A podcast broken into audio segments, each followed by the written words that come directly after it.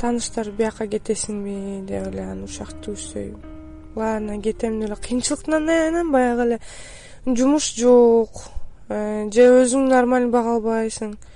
Анан айла жук келишке туура келди келдим ким ким аркылуу келишет? Мисалы үчүн кыргызстанда бул турцияга кетебиз дегендер барбы деген адамдар да көп аякта действительно бирок. Кыйналган кысталып уже барар жери калбай уже. Болбой калганда уже издешет кыздар өздөрү дагы ушундай турцияга кетет элем депчи. Ал биринен өтөт бирине барып биринен өтөт биринен ого жетет анан ал келип алып кетет.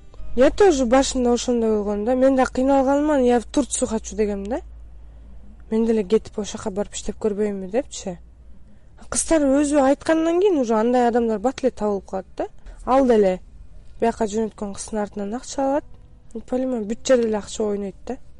Бишкектен кыздарды туркияга жиберген атайын бир кишилер барбы не мындай да кыздар мисалы үчүн сами өздөрү издейт да ушундай жерлердичи мисалы үчүн башка жерлерге ушундай интимный жумуштар менен кыздар негизи өзү издешет да ушундай адамдардычы. Анан алар сураштырып мындан тигиндейин кылып атышып анан таап. Ооба. Ошол кыздар өздөрү эле табышат бул жумуштарды негизи. Бишкекте милициялар ушуга замешанный дейт туурабы не милициялар буга замешанный эмес. Милициялар биякта замешанныйлар жок. Бүт эле кыздар өздөрү эле келишет бияка.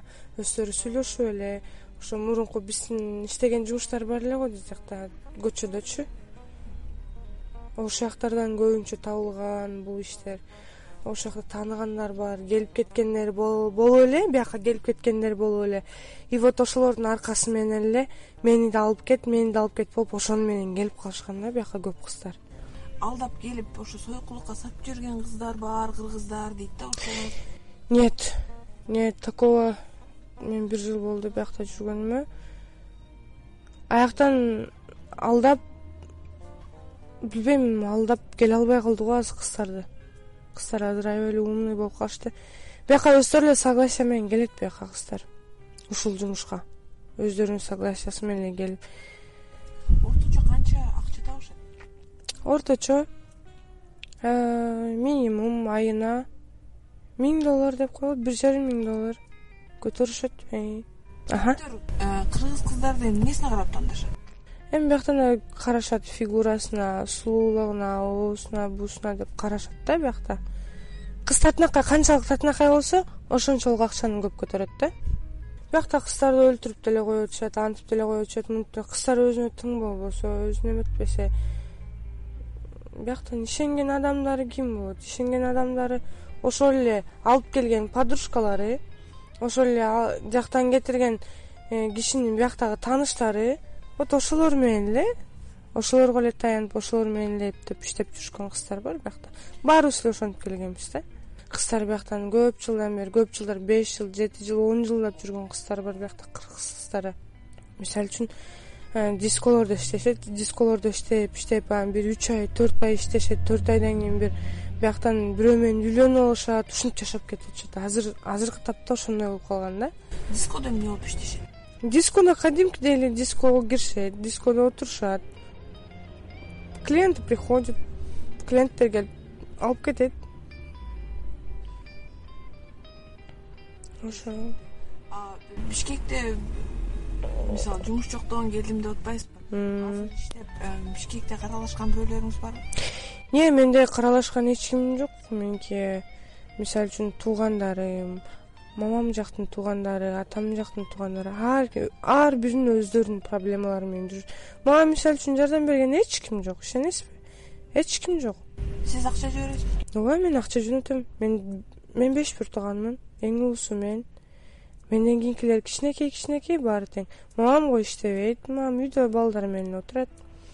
Анан эмне кылабыз? Айла жок түрктөр мисалы үчүн кыргыз кыздарына аябай мындай мамилелери мындай сен сойкусуң сен мындайсың сен тигиндейсиң дешпейт ошолордун. Бул бир жагы бар.